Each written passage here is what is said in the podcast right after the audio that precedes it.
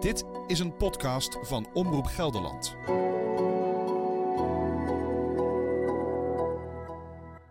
Eerder in De dood van Robert. En toen kwam ik bij de morel waar Robert woonde. En toen zag ik aan de zijkant van het gebouw, dat daar twee kleine raampjes van de zijmuur van Robert's kamer, die waren ingegooid.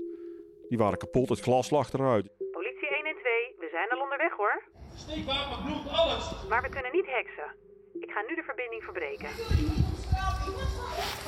Ik neem het even op, want ik wil dat, dat ze, ja, we wonen hier vlakbij joh. Hij, hij wou nog leven, die jongen. Het rammelt aan alle kanten, het klopt van geen kant. Hij zei toen, eh, ja, niet schrikken jongen, maar Robert is dood. Er komt dus geen toelichting. We, we mogen geen vragen stellen. Uh, ik heb natuurlijk twintig jaar lang bij de RIBW gewerkt. En ja, zoiets, dat was nog nooit gebeurd. Kom ik helemaal terug op uw vraag, waar ben je nou het meest bang voor? Is dat iedereen zegt, ja, ja wat erg en oh wat naar. En dit had anders gemoeten. Uh, en we, we, maken er een mooi rapport over. Dat gaan we vooral niet geven aan de familie. Elf maanden geleden. We hebben elf maanden gewacht. Hij verdient de waarheid. De familie verdient de waarheid.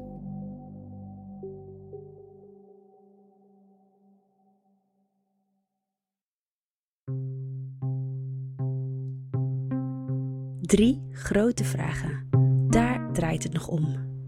Hoe is Robert overleden? Wat is er die avond precies gebeurd?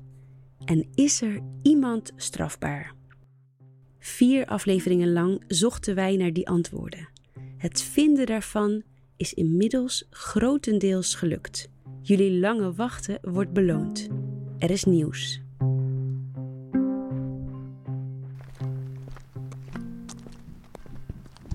Terug naar Moskova, naar de begraafplaats in Arnhem. Daar zijn we weer. Weet je nog hoe we begonnen? We begonnen bij er is een man omgekomen in een zorginstelling. En dan gaan als journalist alle alarmbellen af. Meer dan een jaar geleden begonnen Ellen en ik samen aan dit verhaal, waarvan we nooit konden vermoeden dat het ons zo lang zou bezighouden.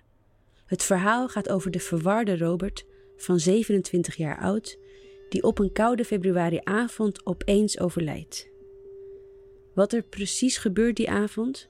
Maandenlang zoeken we met jullie als luisteraars naar alle puzzelstukjes. Zo vonden we. De buurman die ons vertelde dat het zo ontzettend lang duurde voordat de politie kwam. Onze tocht begon met meerdere scenario's. Af en toe werden we even helemaal op het verkeerde been gezet. Die moeder die Filipijns is, die, die trok nog een link met discriminatie misschien. Het was ook de Black Lives Matter tijd. Ja, het was, overal waren demonstraties. En toen kwam uh, Richard Corver in beeld, uh, advocaat ook van de nabestaanden van, uh, van Mitch Henriquez. Mitch Henriquez, die in een nekklem en door geweld bij de aanhouding om het leven kwam. En misschien was Robert ook wel omgekomen door de nekklem. Dat, dat had gekund, was ook een van de theorieën die voorbij kwam.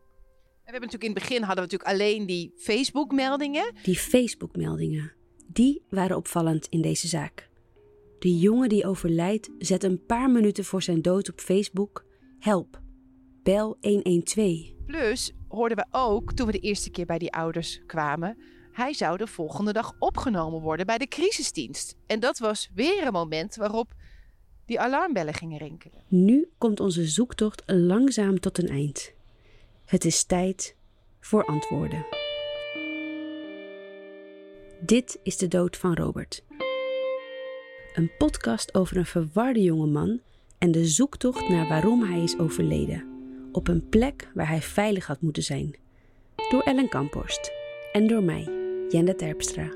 Dit is aflevering 5, voorlopig de laatste aflevering. De antwoorden.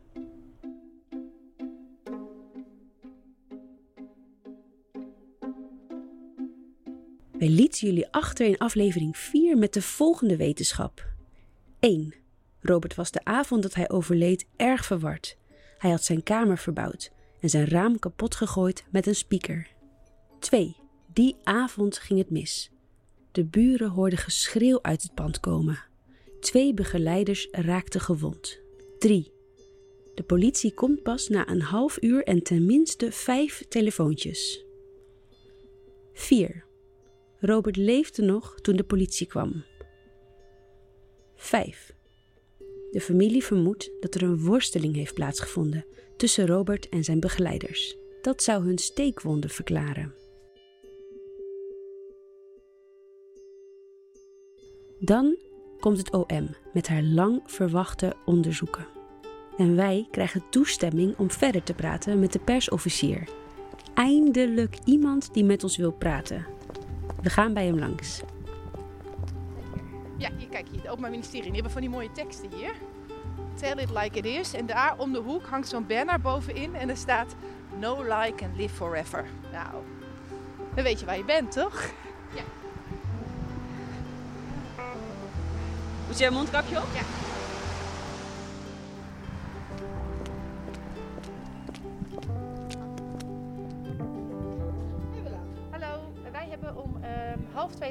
Met Tineke Zwart voor Omroep Gelderland. Jenna en ik vinden het bijzonder dat we ergens uitgenodigd zijn.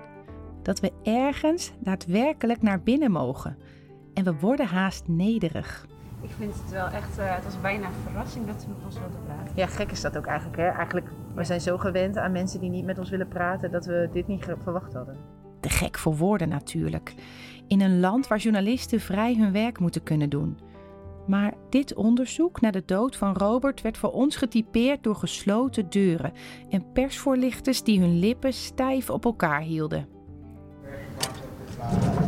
Ik ga jullie even aanmelden en uh, overleggen. Ja. Oh, maakt, Oh, nee, maakt dat maakt ons niet uit. We zijn één uh, tegenwoordig. We zijn een eh, setje bijna.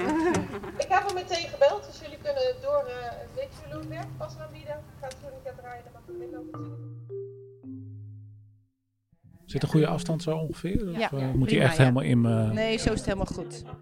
Dit is Menno Hoekstra. Hij is de persofficier van het Openbaar Ministerie. Hij heeft dus niet het onderzoek gedaan, maar heeft zich voor dit interview verdiept en kan met ons praten. Er zijn eigenlijk twee onderzoeken. Enerzijds van de politie en ook nog van de Rijksrecherche. eh, waar het ging om de agenten die eh, bij het incident betrokken waren. Die onderzoeken gingen maar om één ding. De omstandigheden rond het overlijden van Robert. Ehm, en eh, dan met name natuurlijk of daar eh, strafrechtelijk verwijtbaar is gehandeld door ofwel medewerkers van de RIBW ofwel de politie. Het onderzoek heeft ruim een jaar geduurd. Hoe kan dat? Nou ja, het is een, een, een incident ehm, eh, wat je natuurlijk het liefst zo snel mogelijk tot, tot klaarheid, tot duidelijkheid wil brengen. Maar ook een incident waar je niet over één nacht ijs wil gaan. Hoe ging dat onderzoek naar de dood van Robert in zijn werk? Eh, nou, in ieder geval sporenonderzoek natuurlijk. Hè. Wat, wat, wat zien we daar op de locatie? Ehm, zeker ook het horen van eh, veel mensen. In dit geval zijn er eh, veel medewerkers gehoord van het RIBW. Waaronder dus de medewerkers die betrokken waren bij het incident. Eh, een groot aantal eh, eh, medebewoners, hè, die hebben natuurlijk ook allerlei dingen meegekregen. Buurtbewoners zijn ook gesproken, wat zij hebben meegekregen van, van de buitenkant van het, van het incident. Ehm 112-gesprekken zijn uitgeluisterd. Nou, dat zijn zo'n aantal voorbeelden van onderzoekshandelingen die zijn verricht. En dat zijn er nogal wat geweest. En die ja, zijn gebruikt om eigenlijk een, een, een scenario, een tijdlijn, zeg maar, te kunnen krijgen van, nou laten we zeggen, begin van de dag tot het, eh, het incident en het overlijden van Robert. Een tijdlijn. Jenda en ik gaan ineens rechtop zitten. Zo'n tijdlijn hebben wij ook. Maar die van ons zit vol met gaten. Zouden we die tijdlijn mogen eh, zien of ontvangen of nalezen? Nee, of- die mag je niet ontvangen. Oh, jammer. maar eh, je mag hem, wat mij betreft, wel eh, op dit moment even bekijken als je denkt van, ik zie daar nog dingen De in staan. persofficier laat ons een tijdlijn zien. Zes aan elkaar geplakte A4'tjes. Met tijdstippen en wolkjes van wat er toen gebeurde. Alles valt samen. De laatste puzzelstukjes. Niet alleen mogen we de tijdlijn zien, hij wil er ook met ons doorheen lopen. Ben je klaar voor de antwoorden? Daar gaan we. Na een onderzoek van ruim een jaar is dit de tijdlijn van het Openbaar Ministerie. Het is ochtend aan de Morel in Wageningen. 19 februari 2020. Robert is al onrustig. En toen heeft hij ook al wat extra, eh, wat extra gekregen om, daar, eh, om die eh, psychotische toestand wat te onderdrukken. Robert krijgt extra medicatie. Het wordt middag. Hij zit op zijn kamer. Zijn vader Richard komt aanrijden en kijkt verbaasd naar het raam. Die waren ingegooid. Die waren kapot, het glas lag eruit. Richard haalt de begeleider op en die blijft bij Robert. Kort daarna komt een psychiater van Pro Persona langs. Die oordeelt dat Robert naar een crisisplek moet. Ze besluiten om hem daar morgen om 11 uur heen te brengen. Uh, het begint dan eigenlijk een beetje problematisch te worden zo rond het avondeten. Hè? Dus een, een, uur of zes. Dan begint hij echt sterk, uh, sterker te ontregelen. Half acht. Robert is inmiddels aan het schreeuwen. En dan, dan gaat het, om het maar even wat populair te zeggen, gewoon echt de verkeerde kant op. Het gaat de verkeerde kant op. Gewoon dat hij echt Um, nou ja, in zijn kamer zit, uh, boos is, uh, tegen dingen aan het schoppen is, dat hij al aan het ontregelen is. Drie over acht. De begeleiding van Robert belt voor het eerst met de politie. Dit moment zat ook in de 112-meldkamerreconstructie uit aflevering 3. We hebben een cliënt die heel erg in de war is en agressief is. Voor mijn veiligheid en de veiligheid van mijn collega's en medecliënten moet ik wat doen. Dit is het moment dat het buurmeisje van Jacob Taal niet naar buiten durft door het geschreeuw. Dat is dus ook wat buurtbewoners zo rond die tijd uh, horen in hun verklaring. Hè? Dat, dat schreeuwen van Robert in zijn kamer en het schoppen tegen ramen en tegen kasten en dat soort dingen. Dus dat, dat vond zich met name in zijn kamer vond dat plaats. Om 17 over 8 zet Robert op Facebook Help, bel 112. Een minuut later schrijft hij Bel de politie, kom naar de Morel in Wageningen. Robert is alleen op zijn kamer, op de eerste verdieping. Hij denkt in zijn waan dat iemand hem wil vermoorden. Kort na dat tweede telefoontje van de RIBW-medewerkers, dat is dan rond een uur of half negen, uh, is het moment dat Robert ongeveer uit zijn kamer komt. In dit telefoontje hoort de medewerker dat 112 een andere prio heeft. Een heterdaad inbraak. Zodra er een auto vrij is, komt de politie langs, hoort hij. Maar Robert komt op dat moment zijn kamer uit.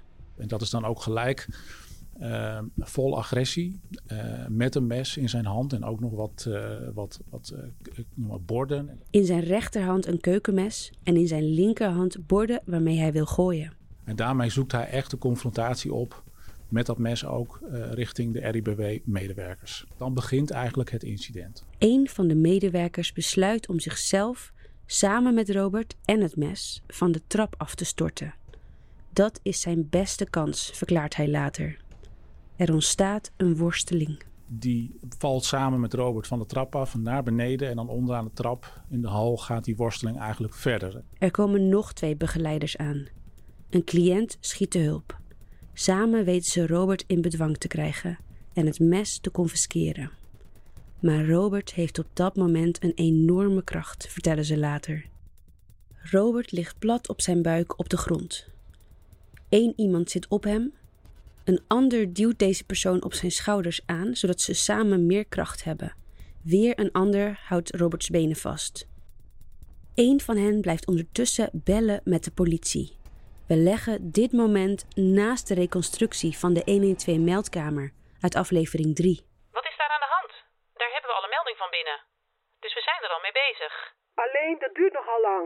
Maar we hebben het heel erg druk, dus we kunnen jongen, geen auto. Jongen, jongen. Ik kan niet toveren, helaas.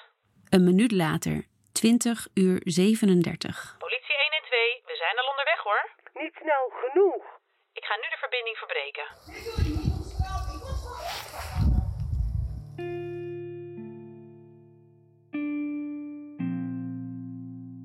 Om kwart voor negen. Dus een kwartier nadat Robert uit zijn kamer komt, zijn de eerste agenten ter plaatse. Er worden instructies gegeven richting de RIBW-medewerkers. Meer van, lucht. Hij moet, meer, ja, hij moet minder druk op zijn borstkas komen. Ja. Ook, hè, want hij moet kunnen ademen. Ja. Zeker in die toestand waarin hij zich bevond. Enorm opgewonden. Kennelijk gaven ze Robert te weinig lucht. Is de medewerkers dat aan te rekenen? De agenten constateren vrij snel dat het niet goed met hem gaat. Al vrij snel dat de politie te plaatse kwam, was het eigenlijk al mis met Robert. Dus toen was eigenlijk de, de uiteindelijke hartstilstand al ingezet. Robert overlijdt ter plaatse. Hij sterft aan een hartstilstand. Hij heeft snijwonden van een mes. Conclusie van het Openbaar Ministerie is dat Robert is overleden door zuurstoftekort. Dit komt dan door een combinatie van zijn opwindingstoestand, de drugs of medicijnen in zijn bloed en verstikking, doordat hij te lang tegen de grond is gedrukt. Twee medewerkers moeten die avond naar het ziekenhuis omdat ze gewond zijn geraakt tijdens de worsteling. En zo is dus gebeurd. De politie heeft alle informatie bij elkaar gezet en dit is de tijdlijn. Maar alle antwoorden die we vinden in deze zoektocht leiden weer tot nieuwe vragen. Zo ook nu. Agenten worden bijvoorbeeld speciaal getraind voor als ze iemand in bedwang Mhm. moeten houden, zeg maar, hoe je dat moet doen zonder dat Ja. iemand stikt. Ja. Ehm, medewerkers van RI RIBW hebben natuurlijk ook agressietraining gehad. Ja. Nou kan ik me voorstellen dat dit voor hen natuurlijk geen dagelijkse praktijk is, anders dan voor de politie. Wordt dat nog meegewogen in het ehm, noodweerverhaal? Of hoe gaat dat? Nou, kijk, eh, wat, ik, wat ik al, al eerder al aangaf, is dat een RIBW in principe een, een vrij eh, open en eh, woonvorm is. Hè? Weliswaar met begeleiding, maar niet iedereen is geschikt voor een RIBW. Medewerkers die daar werken, die zijn natuurlijk wel getraind in agressie en vooral ook het, ehm, ja, moet ik zeggen, het eh, temperen daarvan. Ja, hè? De- de- deescaleren. Deescalerend eh, optreden Ja. Maar, niet met, eh, maar houden niet rekening met, met dit soort extreem gewelddadige incidenten. En daar zijn ze ook niet specifiek voor getraind. Ehm, maar zelfs als dat eh, al wel het geval zou zijn, en wat niet zo is, dan is dit zulk extreem geweld. Iemand komt eh, buiten zinnen met een mes in zijn hand Ja. op je afrennen Ja. en, en wil je gewoon steken. Dat, dat, dat blijkt ook wel uit de verklaring. Hij, hij was echt aan het steken. Ja. Ehm, ja, dan, dan gaat er een knop om en dan ga je in de zelfverdedigingsstand. Ehm, dus het heeft niet. eh, het wordt heeft- niet het heeft, nee, het heeft niet, het Nee. heeft niet uitdrukkelijk een rol gespeeld bij de beoordeling van de noodweersituatie. Nee. We hebben gezegd als OM van. hè, als je dit gebeurt, even los van of je nou een RIBW-medewerker bent of een gewone burger, noem ik even. Er zijn natuurlijk ook gewone burgers. Maar dan, dan, dan, dan moet je je wel verdedigen. De persofficier zegt hier iets belangrijks. Dit geweld is geen dagelijkse kost voor een RIBW. Maar hoorde hij daar wel? Had hij daar niet weg gaan moeten? Ja, de, de- dat, eh, eh, eh, daar zeg ik erbij, dat, dat ligt nog bij ons in onderzoek. Er is nog een onderzoek? Even in het kort. Je hebt dus. Het onderzoek van de politie en de Rijksrecherche over de, het overlijden van Robert en de dire- directe aanleiding daartoe. Hè. Wie zijn daarbij betrokken geweest en is daar iemand aan te wijzen die daar strafrechtelijk voor vervolgd zou moeten worden? Het antwoord op die vraag is nee. Hoe tragisch de dood van Robert ook is, er wordt niemand vervolgd. Het was zelfverdediging. Maar daarnaast heb je de instellingen, RIBW en pro persona. En daarbij kan je indirecte vragen stellen. En dat punt, of RIBW of pro persona op een bepaalde manier, even populair gezegd, steken heeft laten vallen of niet, dat is nog een onderzoek wat nog bij het Openbaar Ministerie loopt. Daar buigt een medisch officier zich nu over. En zo vertrekken we. Er wordt een nieuw onderzoek opgestart. We laten het gebouw van het Openbaar Ministerie achter ons. Eindelijk wilde een onderzoeker met ons praten. En na afloop zijn we nog helemaal hyper. Ja. deur open. Merci. Bedankt. Dankjewel hè. Wauw. Oh mijn god. Maar op het moment dat iemand zo uit zijn kamer komt, weet je, dan is het gewoon hij of ik. En ik denk wel dat ze zich echt zo gevoeld hebben. Het lijkt me echt. eh, ja, die medewerkers die daarbij zijn geweest die avond, die vergeten dit nooit meer. Het is gewoon echt niet normaal wat daar is gebeurd. Ja, het is gewoon echt, gewoon echt heel treurig. Maar het roept gewoon nog wel heel veel vragen op. Ja, welke vragen roept het bij jou op? Hoezo had hij een mes? Hoezo zat hij daar op die kamer met die kapotte ramen? Hoe kan dat? En hij was dus al vanaf de etenstijd, hij was al aan het escaleren. Waarom hebben ze toen niet eh pro persona, kijk dat je er... de psychiater gebeld. Inderdaad, die is daar net weg. Waarom bel je dan niet? Van jongens, ik denk niet dat het goed gaat. Neem hem toch maar mee naar Wageningen of naar Ede, waar die plek was. Ja, misschien hebben ze dat wel gedaan. Dat weten we dus niet. dat weten we dus niet. En dat zijn dus die leermomenten die ze met elkaar zijn gaan bespreken na afloop. Waarschijnlijk is dit wel genoemd. Van als het dan echt helemaal misgaat en je kan niet op de politie aan. Het is, het is eigenlijk wat we aan het begin al een beetje, dat gevoel wat we hadden, dat is gewoon, alles is die avond gewoon helemaal fout gegaan. Als de politie op tijd was gekomen, om acht uur gelijk, en die oude had gezien, dan had hij waarschijnlijk nog geleefd. Hadden zij hem gewoon uh, naar Propersona kunnen brengen? Was het helemaal niet zo uit de hand gelopen? Maar ik moet dus ook heel erg denken nu aan Linda, die we in de tussenaflevering spraken. Linda, de gedragsdeskundige met de cliënt die maar niet werd opgenomen en uiteindelijk op straat terechtkwam omdat ze niet psychotisch genoeg was volgens de crisisdienst. Als ze niet worden opgenomen, dan komen ze op het bordje van de politie. En dat is ook niet helemaal eerlijk. We gaan terug naar Arnhem-Zuid. Terug naar de familie. Want terwijl wij aan het napraten zijn over alles wat er misgaat in het systeem, rouwen Richard en Cecilia om hun zoon. Ja, zitten we weer. Ja. Ja. Um, hoe is het met jullie? Ja, het is moeilijk. Het is heel... Uh, het duurt allemaal zo lang. En, en, en, en, we zien eigenlijk weinig resultaat nog. Dus er zijn inmiddels natuurlijk een hele hoop rapporten klaar. Maar heel, heel onbevredigend allemaal. Het is allemaal, uh, ja... Eerst werd er niemand ontslagen bij de politie. Toen nam niemand zijn verantwoordelijkheid in de zorg en nu concludeert het Openbaar Ministerie dat er niemand zal worden vervolgd. Teleurstelling. Ook al is er veel duidelijk geworden over hoe Robert is gestorven, er is tot nu toe niemand echt verantwoordelijk. Het is allemaal heel uitgebreid, uitvoerig onderzocht allemaal. En er worden dan conclusies getrokken, maar er wordt alleen voor ons gevoel helemaal niks mee gedaan. Ze denken daarmee is de kous af, lijkt wel een beetje. Roberts ouders vinden het bovendien moeilijk dat hun overleden zoon, hun vriendelijke, lieve jongen, opeens als dader wordt neergezet.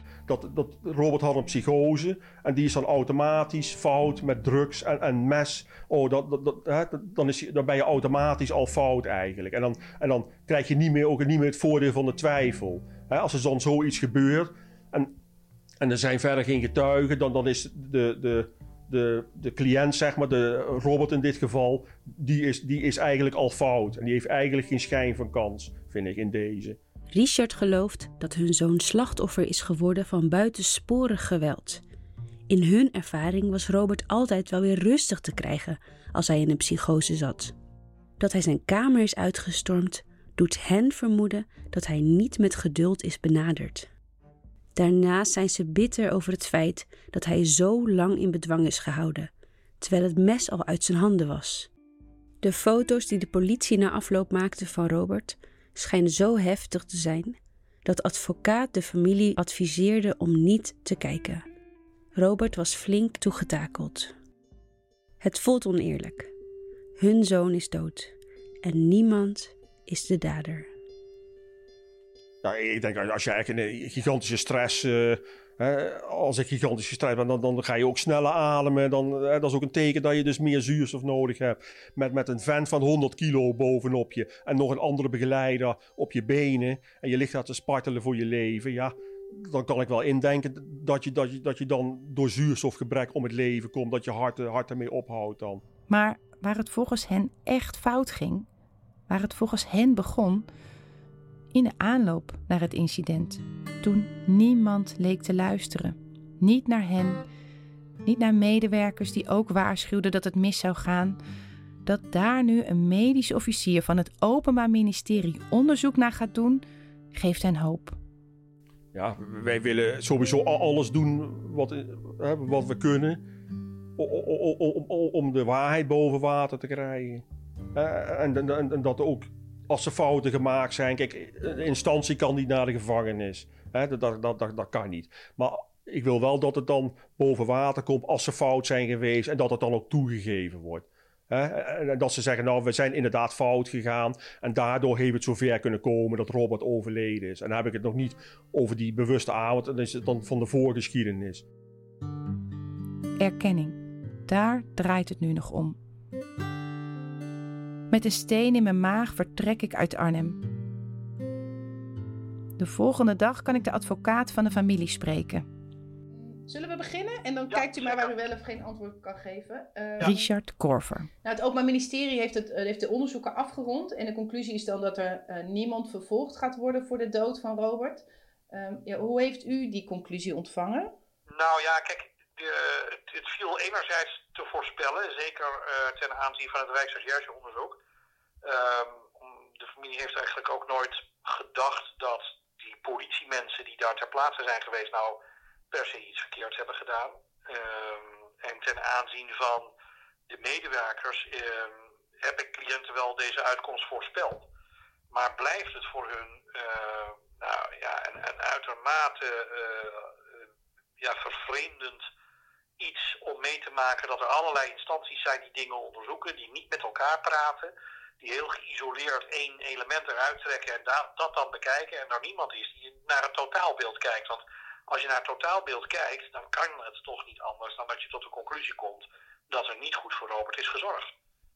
Ja, ja Jen en ik zeiden ook, het voelt heel onbevredigend, hè? Want uh, we zijn er zo lang, of nou, de, de, iedereen is er zo lang mee bezig geweest, er zijn zoveel onderzoeken gedaan. En dan is eigenlijk de uitkomst dat niemand echt schuldig is aan zijn dood.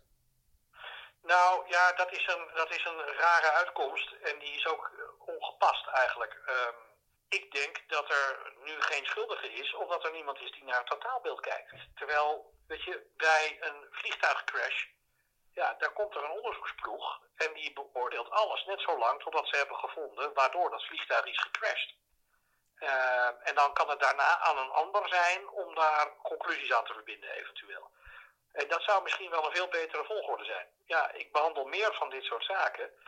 En er begint bij mij steeds meer het idee te ontstaan dat je eigenlijk, zoals je een raad voor de veiligheid hebt, die bijvoorbeeld de Schipholbrand heeft onderzocht, je ook een, een, raad voor de veiligheid zou moeten hebben die dit soort zaken onderzoekt. Die gewoon het hele traject neemt. Want mijn cliënten die worden nu geconfronteerd met tal van ja, een soort van deelrapportjes. Uh, en overal is de conclusie uh, of uh, we kunnen er niks aan doen of er zijn wat aanbevelingen, maar that's it. en zij zitten met een leegte in hun leven omdat Robert er niet meer is. Ja, en hoe gaat het nu verder? Ja, ik bereid wel degelijk nog een, een civiel proces voor, waarin toch instanties en personen zich dan voor de civiele rechter zullen moeten verantwoorden. Dan mogen ze dat gaan uitleggen. En dan mag de civiele rechter op basis van al het feitenmateriaal oordelen of het nou inderdaad een ongeluk was of dat het toch een toerekenbare tekortkoming is, zoals een jurist het zou noemen. Maar die gaat denk ik pas spelen nadat de medisch officier uh, haar onderzoek heeft afgerond. Die kans is groot dat dat daarna zal plaatsvinden. Ja.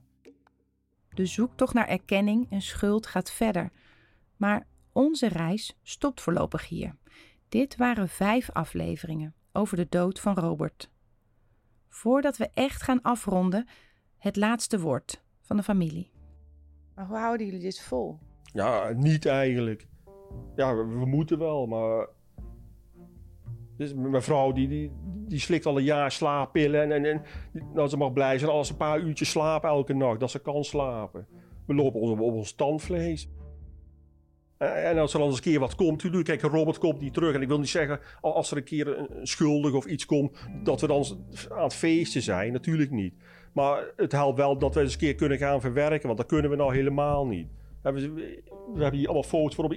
Mevrouw, iedere dag zit ze te bidden. Iedere dag kijken we naar die foto's, praten we tegen hem. Maken excuses tegen hem dat we hem daar hebben laten zitten. Dus het is niet te, niet, te bevatten. Dit, uh, en ik, ik, kan het ook niet accepteren. Mijn, mijn zoon is dood en, en, niemand. Hij, hij, hij, wordt een leermoment. Dat is het. Dit was de vijfde en laatste aflevering van de dood van Robert. Over de zorg, over justitie en politie, over persvoorlichters en macht en tegenmacht, over de liefde voor je kind, over instanties die deuren angstvallig dicht houden, over vragen en antwoorden, en spijt en te laat zijn, over medeleven, maar vooral over een jongen van 27 die stierf op een plek waar die veilig had moeten zijn.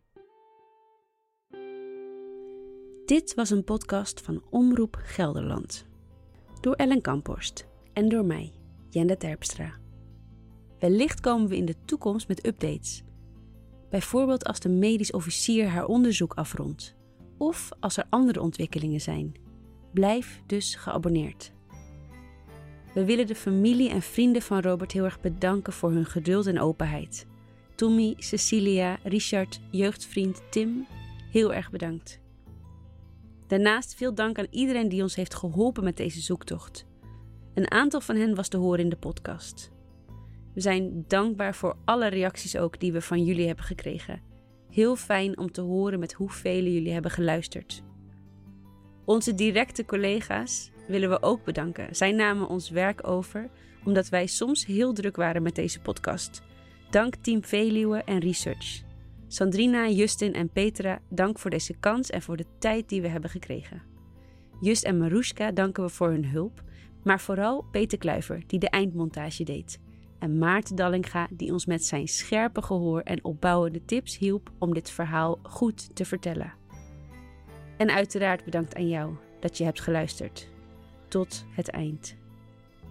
Vond je deze podcast interessant? Raad hem dan aan bij je vrienden.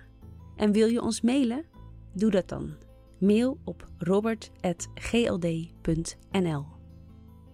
We eindigen met de wereldhit van zanger Freddy Aguilar. Anak, kind in het Filipijns. Het gaat over een verloren zoon die terugkeert naar zijn ouders. Het nummer werd gedraaid op de begrafenis van Robert. Nung ka sa mundong ito Laking tuwa ng magulang mo At ang kamay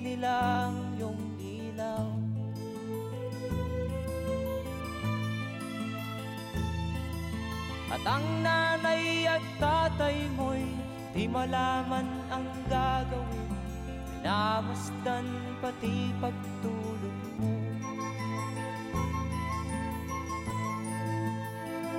At sa gabi nagpupuyat ang iyong nanay Sa pagtimpla ng gatas mo.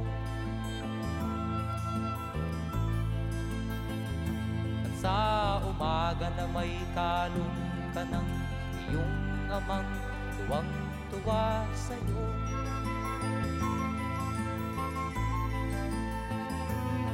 Ngayon nga ay malaki ka na Nais mo'y maging malaya Di man sila payag walang magagawa.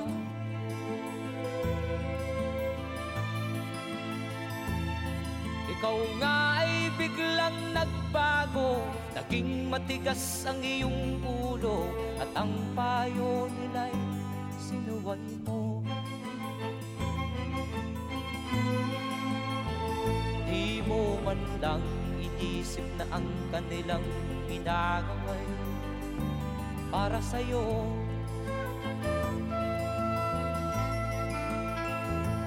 Kat ang nais mo'y masunod ang layaw mo Di mo sila pinapansin.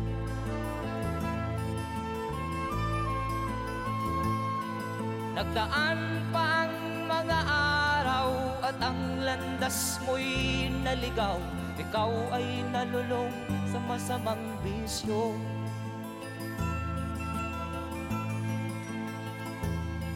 At ang una mong nilapitan Ang iyong inang lumuluha At ang tanong anak Ba't ka nagkaganyan?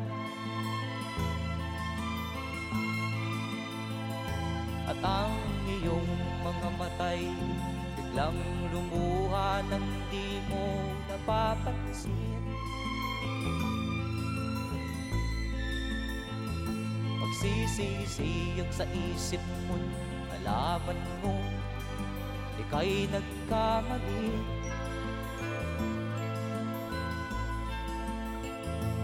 Magsisisiyag sa isip mo Nalaman mo Ika'y nagkamali.